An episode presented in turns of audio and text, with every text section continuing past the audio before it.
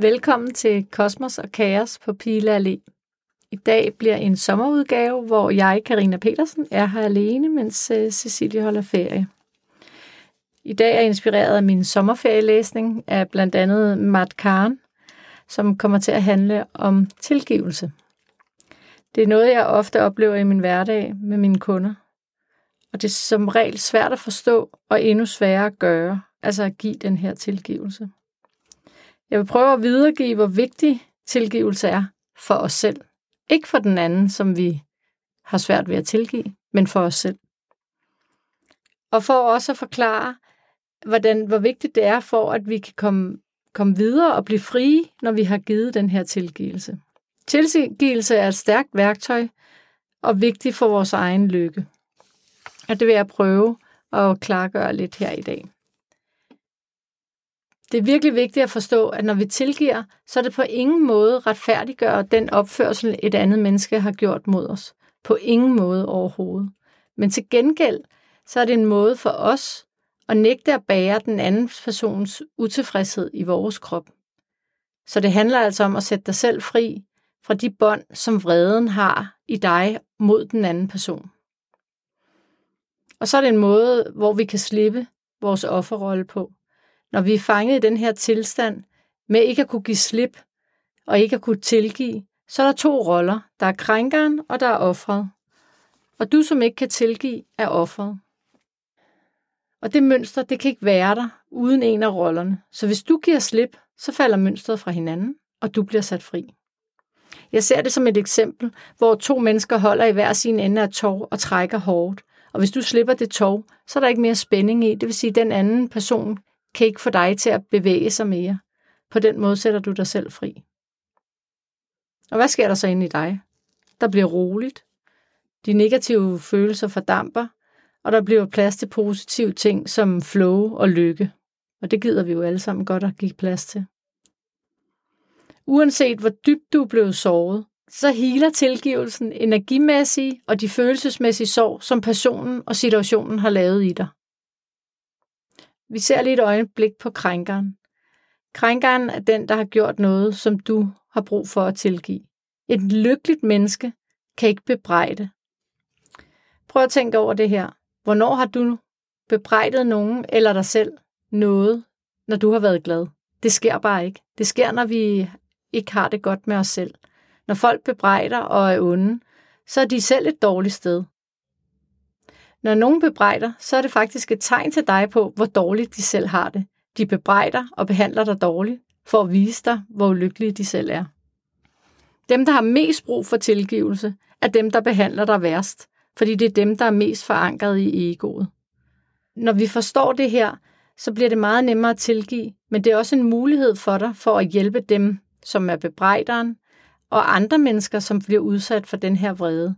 Du kan altså være med til at bryde det her mønster ved at tilgive, og derved spare andre for at blive dårligt behandlet. Hvis vi ser på nogle ting, man kan gøre, når man står i situationen, hvor der er en, der behandler en dårligt, så for at neutralisere det her, øh, de her dårlige ord eller behandling, der kommer fra en anden person, så kan man helt kort bare sige, tak for din feedback. Og så er det vigtigt, at man siger stille og lader den anden snakke som den næste. Man kan gøre den lidt længere og sige tak for din feedback. Jeg er altid glad for at høre din mening. Og så er der den lidt mere avanceret, som siger tak for det. Jeg brød mig ikke umiddelbart om det. det. Der er ingen tvivl om, at det gør mig bedre, end jeg var før. Men det, det gør ikke, at behandlingen er okay. Og det faktum, at den ikke er okay, er grunden til, at jeg tilbyder at tilgive dig. Jeg håber, at alt bliver bedre hos dig. Der skal man selvfølgelig have en del overskud for lige at fyre den af, når man står og bliver svinet til. Men det virker. Og lige meget hvad for en af de tre sætninger, du vælger at bruge, så er det vigtigt at tige stille og lade den stå, den sætning, indtil den anden siger noget igen. Lige meget hvor du er i livet lige nu, om du er klar til næste udviklingstrin, om du bare er klar til at give slip på en hændelse eller et andet menneske, så håber jeg, at den her lille snak, jeg har holdt i dag, og den øvelse, jeg vil lave til sidst i udsendelsen, kan bringe dig videre fra, hvor du står lige nu. Og så håber jeg, at den her snak kan ændre den måde, du ser negativ behandling på fremover. At du kan huske noget af det, jeg har sagt, når du næste gang eller næste gang igen står over i en behandling, hvor du bliver dårligt behandlet, og komme i tanke om, at det egentlig slet ikke har noget med dig at gøre, men det er over hos dem, det hele det foregår. Jeg håber, at det giver dig inspiration til at se anderledes på andre mennesker og, for, og deres, for også at se negativ behandling. Tænk på, at det personen har gjort, er der intet, du kan gøre ved for at ændre, for det er sket. Situationen ligger i fortiden, og vi er lige nu og her. Og i fortiden kan vi ikke ændre noget. Prøv at mærke det uigenkaldelige i den her situation. Så er vi kommet til øvelsen, jeg vil lave med dig. Og jeg vil foreslå dig at sætte dig afslappet og med lukkede øjne. Og være sikker på, at du er uforstyrret. Så ingen telefon og ingen, der lige pludselig kommer ind i værelset, hvor du sidder. Så prøv en gang at tænke på en person, som har gjort dig ondt. Og så forestil dig, at du står i den ene ende af det her tog, og den anden person står i den anden ende, og der bliver trukket rigtig hårdt i det her tog. Og så bare få et skarpt billede af det her. Så mens du sidder her og slapper af og forbereder dig på øvelsen, så vil jeg lige forklare, hvordan den kommer til at foregå. Jeg kommer til at sige tre sætninger, og efter hver sætning siger jeg den anden gang lavt, så du skal sige den sammen med mig. Så her kommer første sætning. Det du, og så navnet på personen, har gjort, er ikke okay, men jeg bebrejder dig ikke. Og så er det din tur til at sige det.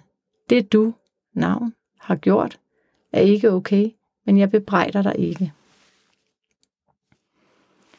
Sætning 2.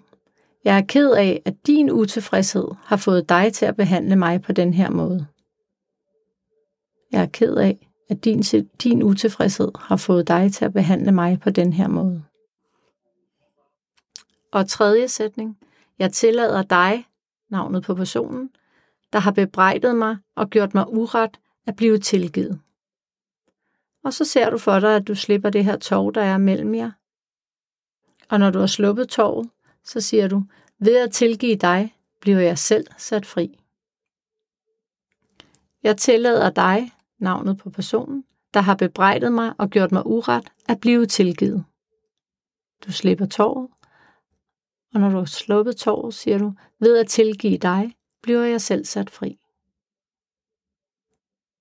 Og måske kan du endda mærke den her spænding, du har haft i kroppen, at den giver slip. At der er et eller andet, der slipper inden i dig. Og så kan du sidde lige så længe du vil med den her følelse af frihed, og hvor meget du har hjulpet dig selv. Det er en øvelse, som godt kan tåle gentagelse, og det er en øvelse, man kan bruge hver gang man har et eller andet, man synes, man skal tilgive en anden person for en situation, eller for hele deres behandling af en.